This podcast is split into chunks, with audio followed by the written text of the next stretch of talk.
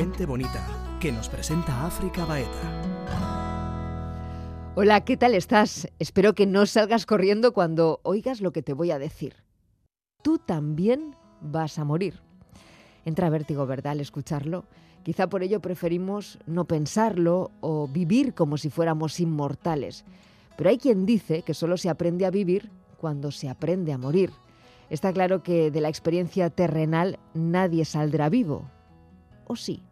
Porque ahora que lo pienso, todo depende de la idea, de la creencia que tengamos sobre estos dos conceptos que nos guste o no, lo rigen absolutamente todo, vida y muerte. Miquel Lizarralde, bienvenido a Gente Bonita. hola, hola, encantadísimo, bien hallada. Fíjate que de niño descubriste que podías conectarte sin quererlo con personas fallecidas y aunque en un principio ocultaste ese don, mm. Un día decidiste ponerlo al servicio de los demás hasta convertirte en todo un medium de prestigio internacional. ¿Cómo mm. llevas esto de transitar entre la vida y la muerte? pues fíjate que, que bien y quizás hasta con demasiada normalidad, ¿no? Yo cuando la gente me dice, ay, qué miedo me da, digo yo, anda ya, deberías de escuchar las conversaciones que tenemos los domingos en casa de mi madre, ¿no? ¿Y cuáles son esas conversaciones? Porque ya es tan normal, tan normal, tan normal en la familia que de repente digo yo algo y eso quién te lo ha dicho, ah, pues el abuelo o la tía cuál, ah, pues fíjate, pues yo tuve un sueño, ¿qué tal? Ay, a mí me pasó que se me movió no sé qué, que yo he descubierto, digamos, mm, este don en mí pero al salir yo, vamos a decir, como del armario espiritual, también hay otros familiares míos que han salido y han dicho, oye, que yo también he tenido experiencias, ¿no? Y eso es algo muy común que nos ocurre. Y, quizás yo lo vivo hasta con demasiada normalidad, ¿no? Porque para mí es algo súper natural, súper normal. Lo pasé mal, es verdad, en la adolescencia, pero bueno, ahora lo, lo llevo muy bien, ¿no? Y, y, me sorprende a veces que la gente se sorprenda. También hay que decir que yo no veo la televisión, estoy un poco aislado de, del mundo exterior en ese sentido. Y entonces, pues eh, a veces creo que soy un poco hasta, hasta ingenuo, ¿no? En algunas cosas. Dices que, que lo ves con naturalidad, pero mm. ¿no debería ser eso lo normal, eh, aceptar la muerte como parte de la vida? Claro, y la vida aparte de la muerte, ¿no? Porque cuando nosotros morimos ocurre un proceso muy similar a cuando, cuando nos dormimos o cuando nacemos, ¿no? entonces, eh, yo creo que es el desconocimiento, el no saber qué ocurre, cómo es, a dónde vamos. También es verdad que, que quizá las ideas más religiosas pues nos han metido hay ciertos conceptos no muy reales y luego las películas de Hollywood que nos meten ahí conceptos no reales totales, ¿no? Y eso eh, quizá es algo que sea un poco mi labor, ¿no? Desmistificar todo eso, traerlo como al mundo más natural, ¿no? Porque ¿de qué vamos a tener miedo si en realidad son tu familia, ¿no? Tu familia que te está esperando, tus guías que no quieren más que ayudarte y protegerte. Eh, la luz del creador, si lo quieres llamar, o Dios, o como cada uno lo llame, que está también ahí trayendo lo mejor eh, para ti, ¿no? Qué importante es liberarse de esas ideas que nos atrapan y que nos impiden conocer la verdad, ¿no? Porque nuestro mayor sufrimiento viene precisamente de, esas ideas, que tú lo has dicho, ¿no? Sacadas del mundo del cine o de, o de la mm. religión que tenemos del llegar y del partir. Claro, sí, de hecho hay personas que esperan, ¿no? Esperan que cuando mueran vayan a tener eh, un hombre con una báscula y una pluma midiendo sus pecados o que van a recibirles San Pedro o cualquier otra creencia. Y cuando ven lo que hay, de repente, pues no sé, un jardín de flores o a su madre que le recibe o un montón de niños, ¿no? Porque en el cielo lo primero que vas a ver es aquello que más gozo te trae para ayudarte en esa transición. Pues hay personas que al ver una realidad que no se asemeja con lo que piensan que iban a encontrar, pues tienen más agonía, tienen más sufrimiento. Y es muy importante, África, eh, saber a dónde vamos, saber qué hay después y entender que hay algo, aunque sea cada uno a su manera, con su creencia, con su religión, con su modo de ver el mundo, pero tengo demostradísimo a través de mis consultas que aquellas personas que creen que hay después un más allá y que tienen cierta noción personal tienen una transición más fácil. Y aquellas personas que no creen en nada o que creen en algo que después no se asemeja con la realidad que viven, les cuesta más como, digamos, soltarse, ¿no? Pues háblanos de ese más allá. ¿Existe ese más allá? Claro. ¿Sabemos a dónde vamos a ir después? no, muchas veces no sabemos a dónde vamos a ir después y tenemos eh, conceptos equivocados, erróneos, y entonces eso puede hacer que, que, nos cueste más marcharnos, ¿no? Y que haya, de hecho, más sufrimiento. Fíjate que vamos a morir tal cual hemos vivido. Si tú eres una persona con mucho miedo o muy empática o muy lanzada o muy asertiva, ¿eh? Eh, esos eh, hechos de tu vida, como tú hayas interaccionado con los demás, va a marcar cómo va a ser tu muerte. ¿Cómo va a ser tu muerte? Va a marcar cómo va a ser tu llegada también al más allá, ¿no? Recordamos también en África que nadie nace solo y nadie muere solo.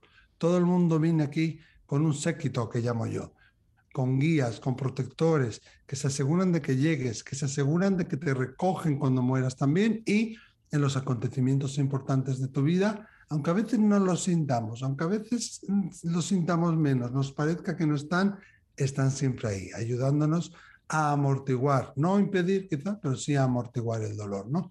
Entonces, cuando uno muere, lo primero que se va a encontrar es eh, esos seres queridos que le esperan, esos guías, como la azafata de vuelo, vamos a decir, ¿no? Que te acompaña, que te ayuda y vamos a pasar por lo que se llama el campo astral no confundir con el bajo astral. Esos son dos conceptos distintos, ¿no?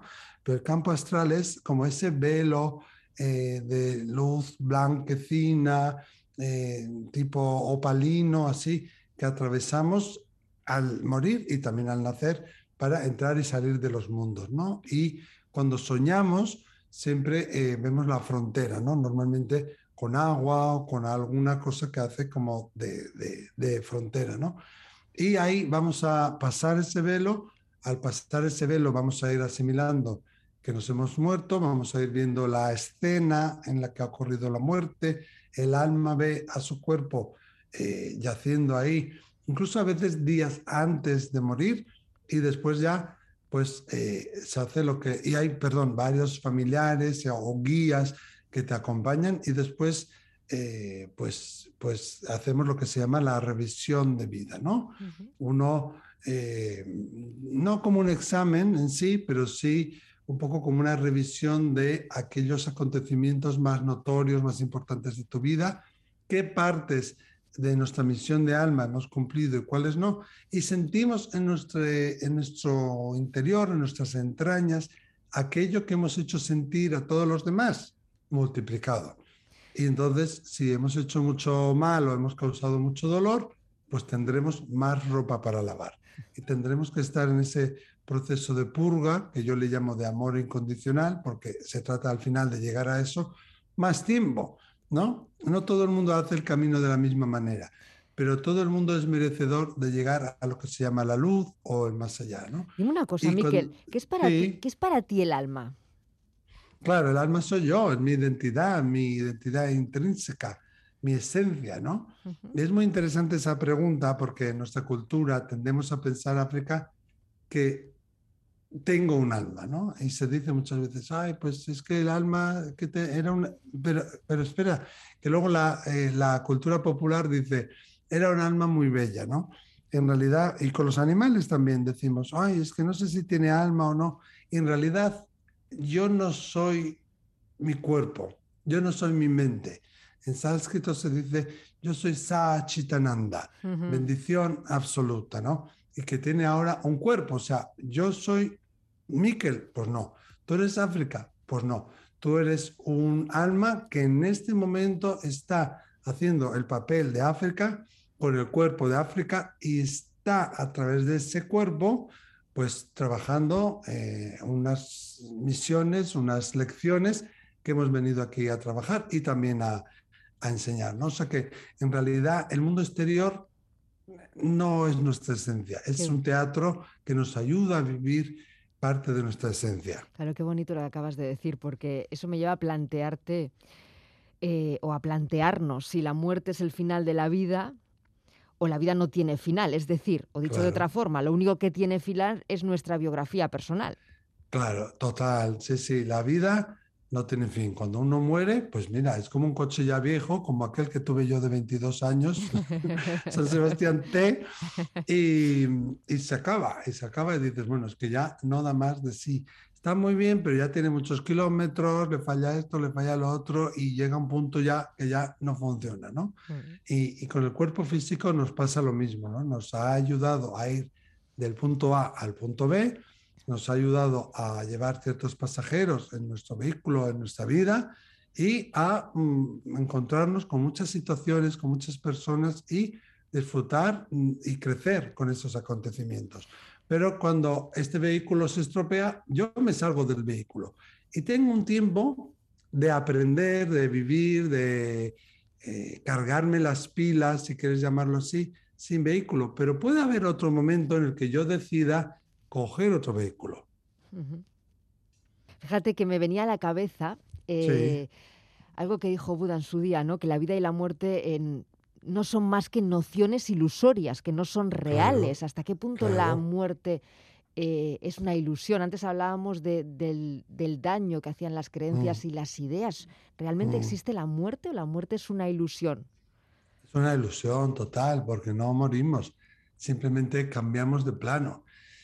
Y hay un problema que vivimos mucho en el exterior, ¿no? Vivimos en el yo soy, ¿no? Yo soy el arquitecto, yo soy el, no sé, el ingeniero, y yo soy mejor que tú porque tengo tres casas, y cuatro coches, pero cuando tú mueras nadie te va a preguntar cuánto dinero tenías en el banco.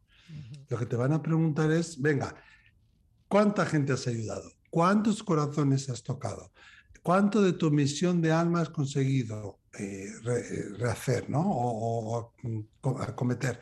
Y después, pues bueno, ahí, ahí sigues creciendo, sigues viviendo. Y esa es la verdadera vida. La verdadera vida no es esta, es como una ilusión que estamos viviendo, ¿no? Como el show de Truman, que nos creemos que el exterior es lo verdadero. Totalmente, y antes hablabas del, del miedo y es muy curioso que si, si, bueno, es lo que me viene a mí a la mente, ¿no? Si relacionamos muerte con miedo, en cierta manera es el, el miedo a dejar de ser. Claro, el, miedo a la nada. Mm, sí, y muchas veces el miedo como al desapego, ¿no? El miedo como a, El ser humano somos egoístas por naturaleza, entonces nos aferramos a nuestros seres queridos, al mundo material en definitiva, ¿no? Y ahí, por ejemplo, técnicas como la meditación, la oración, el yoga, el chikun o vivir sanamente en simbiosis con la naturaleza nos va a ayudar a no estar tan identificados con el mundo exterior, a ser el observador de lo observado. Y entonces cuando, bueno, te toque morir, pues será más fácil porque no me voy a identificar con el personaje. Miquel es el personaje completo. Y Miquel mm, ayuda a mi alma en este momento ahora a, mm, bueno, pues a, a cometer ciertas cosas. Pero es que Miquel se terminará, pero la identidad primaria y los rasgos más importantes de Miquel mm, no se morirán cuando su, muero, su cuerpo muera, ¿no? Seguirá viviendo. ¿Pueden nuestros seres queridos ayudarnos desde el más allá? Claro, muchísimo, pero aquí está el pero, no nos pueden ayudar con todo. Es decir, hay una cosa que cuando nosotros venimos a la Tierra como almas puras, bueno, nos contaminamos o elegimos eh, llevar la carga de, que son, eh, por un lado, el ego, que el ego es muy del ser humano, ¿no? Sí. el yo, el self, ¿no? Y después el libre albedrío. Entonces son dos cosas que desde el mundo de los espíritus nos pueden ayudar a mitigar, pero no pueden evitar, porque es, eh, hemos venido a experimentar esas dos grandes áreas de la vida, ¿no? Como el blanco y el negro. Y entonces, pues eh, nos pueden ayudar, claro que sí, y nos pueden ayudar a que tomemos una decisión mejor, nos pueden ayudar a no sé, a, confiar o a no confiar en alguna persona, pero también es verdad que nuestros seres queridos van a tener limitaciones. Sin embargo, nuestros guías espirituales no, ¿no? Entonces, no porque alguien muera de repente sabe todo y es conocedor de todo, ¿no?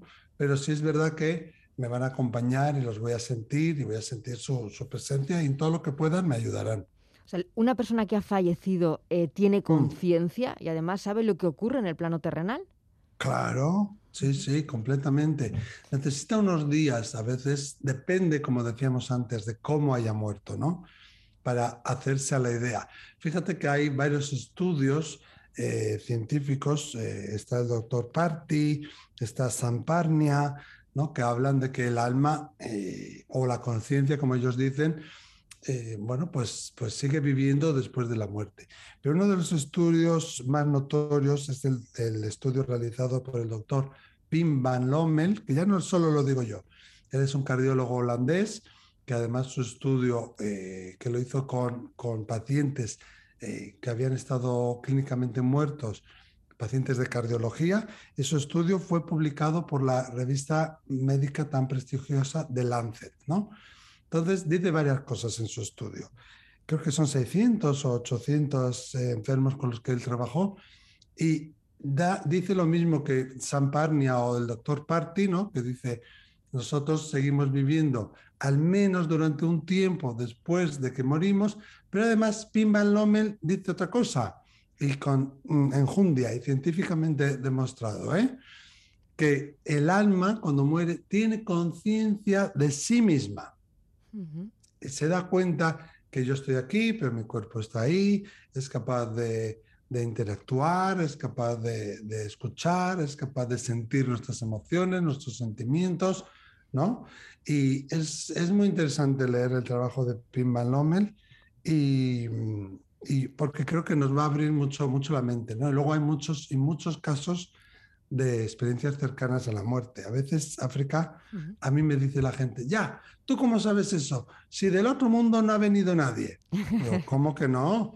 Si desde los años 60 tenemos unas técnicas de rehabilitación cardíaca fantásticas, gracias a las cuales ahora tenemos muchísima gente que ha estado muerta o clínicamente muerta y ha resucitado. Uh -huh. Y tienen las ECM, las experiencias cercanas a la muerte. Hay miles y miles y miles de casos que así lo, lo atestiguan, ¿no? Decías antes que en casa ya tenéis muy normalizado el tema de la muerte, que la veis con toda claridad. Y, y, y sí. me llama la atención, bueno, no me llama la atención, es parte de nuestra cultura occidental darle la espalda a la muerte, pero lo que nos perdemos mm. al darle la espalda a la muerte, ¿verdad? Sí, Porque... y todo por miedo, y todo por no saber ¿no? la realidad y, y por desconocimiento. Sí, porque tenemos miedo a no ser. Pero fíjate claro. que quizá eh, tenemos que no ser para aprender a ser. Claro, y cuando morimos somos más que aquí. Imagínate, claro, hay cosas que el alma no puede hacer, ¿no? Porque la gente dirá, si somos más que aquí, ¿por qué venimos aquí, no? Bueno, porque el alma mmm, quiere experimentar cosas como el amar, el odiar, el nadar, el correr, el besar, el, ¿sabes? El pasar hambre, ¿no? Y eso como alma no lo puede hacer. Pero tú imagínate que cuando mueres ya nada te duele. Te puedes comunicar a la velocidad del pensamiento. Piensas en un lugar y te pones allí, te trasladas a ese lugar, dentro y fuera de este planeta.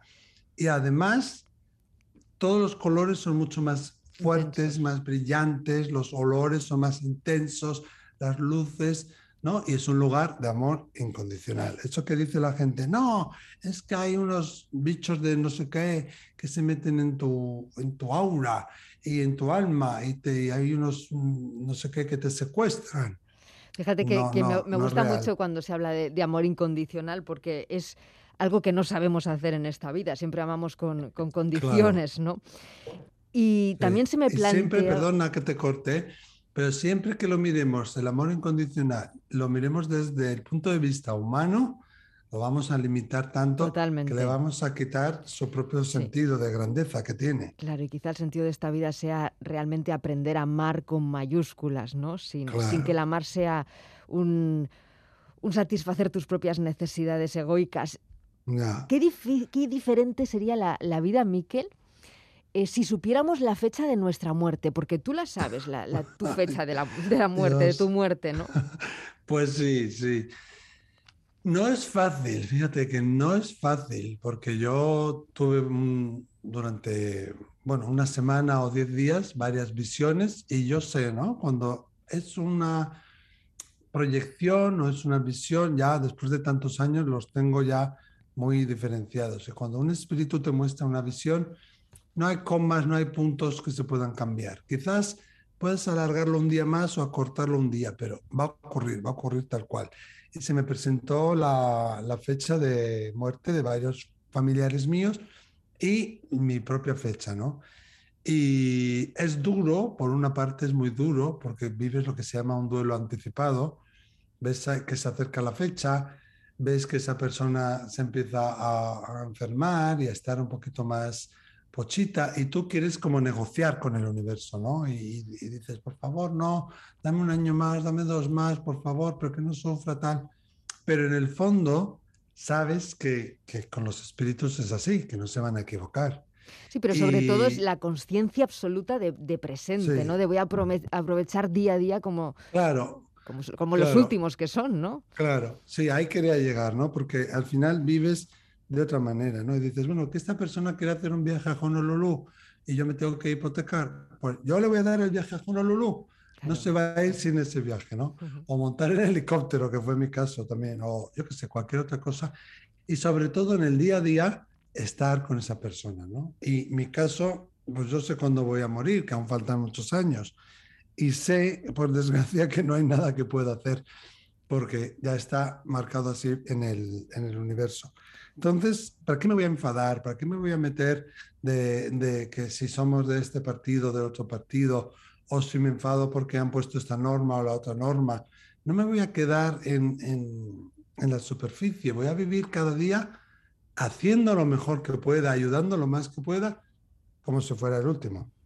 Cuánta humildad, ¿no? Vivir eh, cada instante sabiendo que mañana se puede acabar, ¿no? ¿Cómo cambiaría yeah. absolutamente mm. eh, todo eso que nos parece a veces tan importante y que se diluye cuando realmente ocurre sí. algo que te está diciendo mm -hmm. el tiempo se acaba? Claro, también te da mucha tranquilidad de África. Mm. No sé si te acordarás, hace unos años, me parece que fue en el 2015, el Día de Reyes, eh, un avión salió en el Televerri, no sé, quizás lo presentarías tú. Un avión en Loyu no pudo aterrizar, parecía el sapito loco. Sí. ¿Te acuerdas o no? Sí, sí, sí. Que sí, hubo que abortar sí, y sí, tuvo que ir a aterrizar a Biarritz. Exactamente. Pues yo iba dentro de ese avión. Madre mía. Qué miedo. Y era horroroso porque yo nunca me había pasado eso. De repente caía un montón de metros, de repente se iba como a un lado un montón de metros, al otro pero lado. Tú sabías que no era tu momento, ¿no? Claro, y pero pasé un momento de histerismo porque iban unas chiquitas, como un grupo de, de baloncesto o algo, de 20 o 30 chiquitas, que se pusieron a gritar, a vomitar, a llorar. Y claro, tú de repente conectas con eso, ¿no? Y después dije, ah, no, no, no, no. Ya como al, a la segunda vez, porque se abortó el aterrizaje tres veces, a la segunda dije, no, no, pero ¿por qué me voy a, a, a poner mal y a preocuparme y a pasar miedo? Si es que sé que no es mi hora. Y nada, cerré los ojos, me puse a meditar y ya está. Luego nos, nos llevaron a Biarritz y aterrizamos allí sanos y salvos. Pero cuando sabes eso, te da como, como otro conocimiento. Como, Una como confianza, porque al fin y sí. al cabo es, es eh, confianza sí, sí. en la vida, ¿no? Y decir un sí Total. rotundo a lo que la vida te da en cada momento. Y cuando tú dices que eh, siempre estamos acompañados de nuestros guías, eh, de nuestros seres mm. queridos, eso también nos tiene que, que, reconfortar en vez de dar miedo, ¿no? Decir, bueno, estoy sostenida claro, en esta vida. Claro. ¿De qué vamos a tener miedo? Si es que ahora además son una versión mejorada de la que fueron, ¿no? Si fueron malos, pues ahora son un poquito buenos. Si fueron buenos, ahora son excelentes. Yo les llamo 2.0.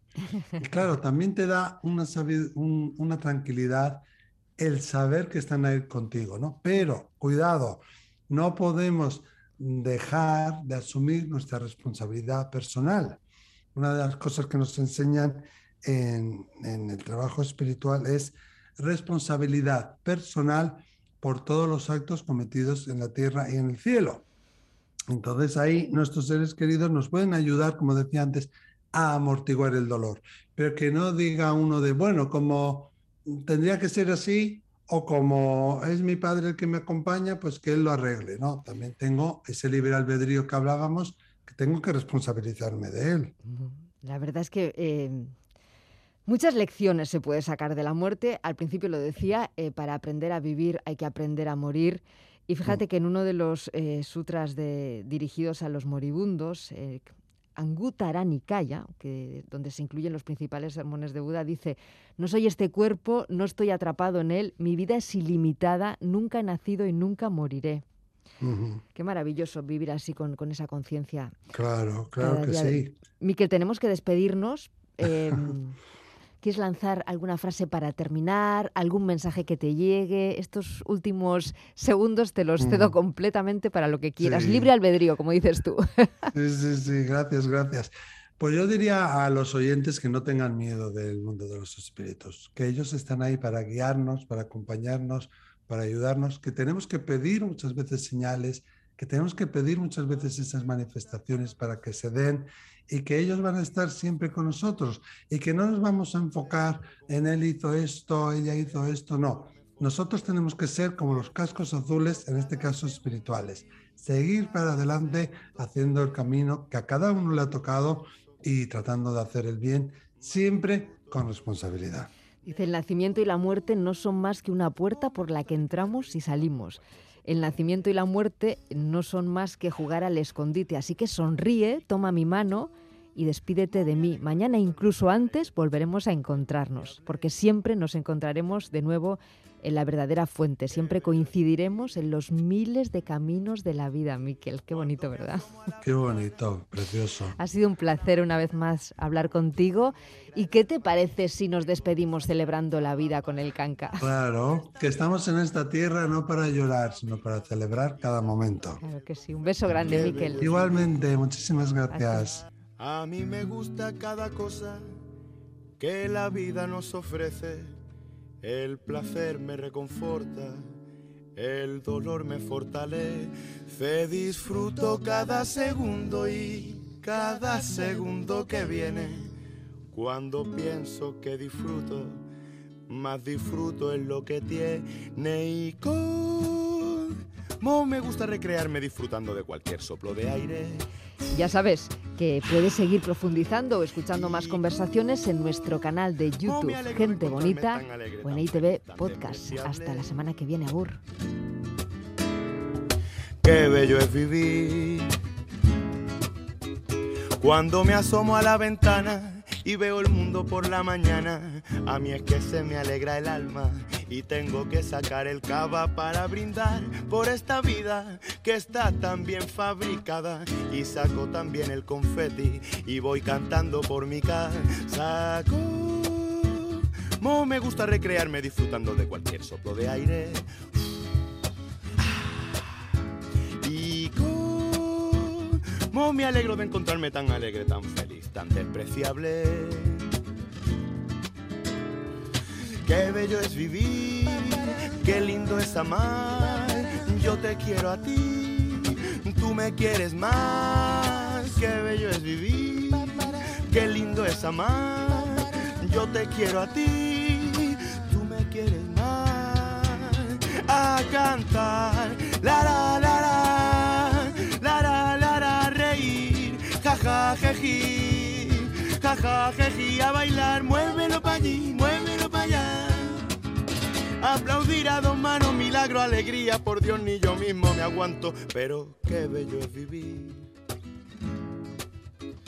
Aunque esta vida me maltrate de la forma más espeluznante, yo saldré cada día a la calle con mi sonrisa más grande. Y aunque nadie me soporte esta felicidad absurda me echen de los bares y hasta mis padres me huyan una rara enfermedad mental que todavía no se ha diagnosticado. Y no es el efecto de alguna cosita que yo sin querer me haya fumado. Ah, qué bello es vivir, qué lindo es amar. Yo te quiero a ti, me quieres más. Qué bello es vivir, qué lindo es amar yo te quiero a ti, tú me quieres más. A cantar, la la la la, la la la la, reír, jaja jeji, jaja jeji, a bailar, muévelo pa' allí, muévelo pa' allá. Aplaudir a dos manos, milagro, alegría por me aguanto. La la la la, la la la la, ja ja ja ji, ji.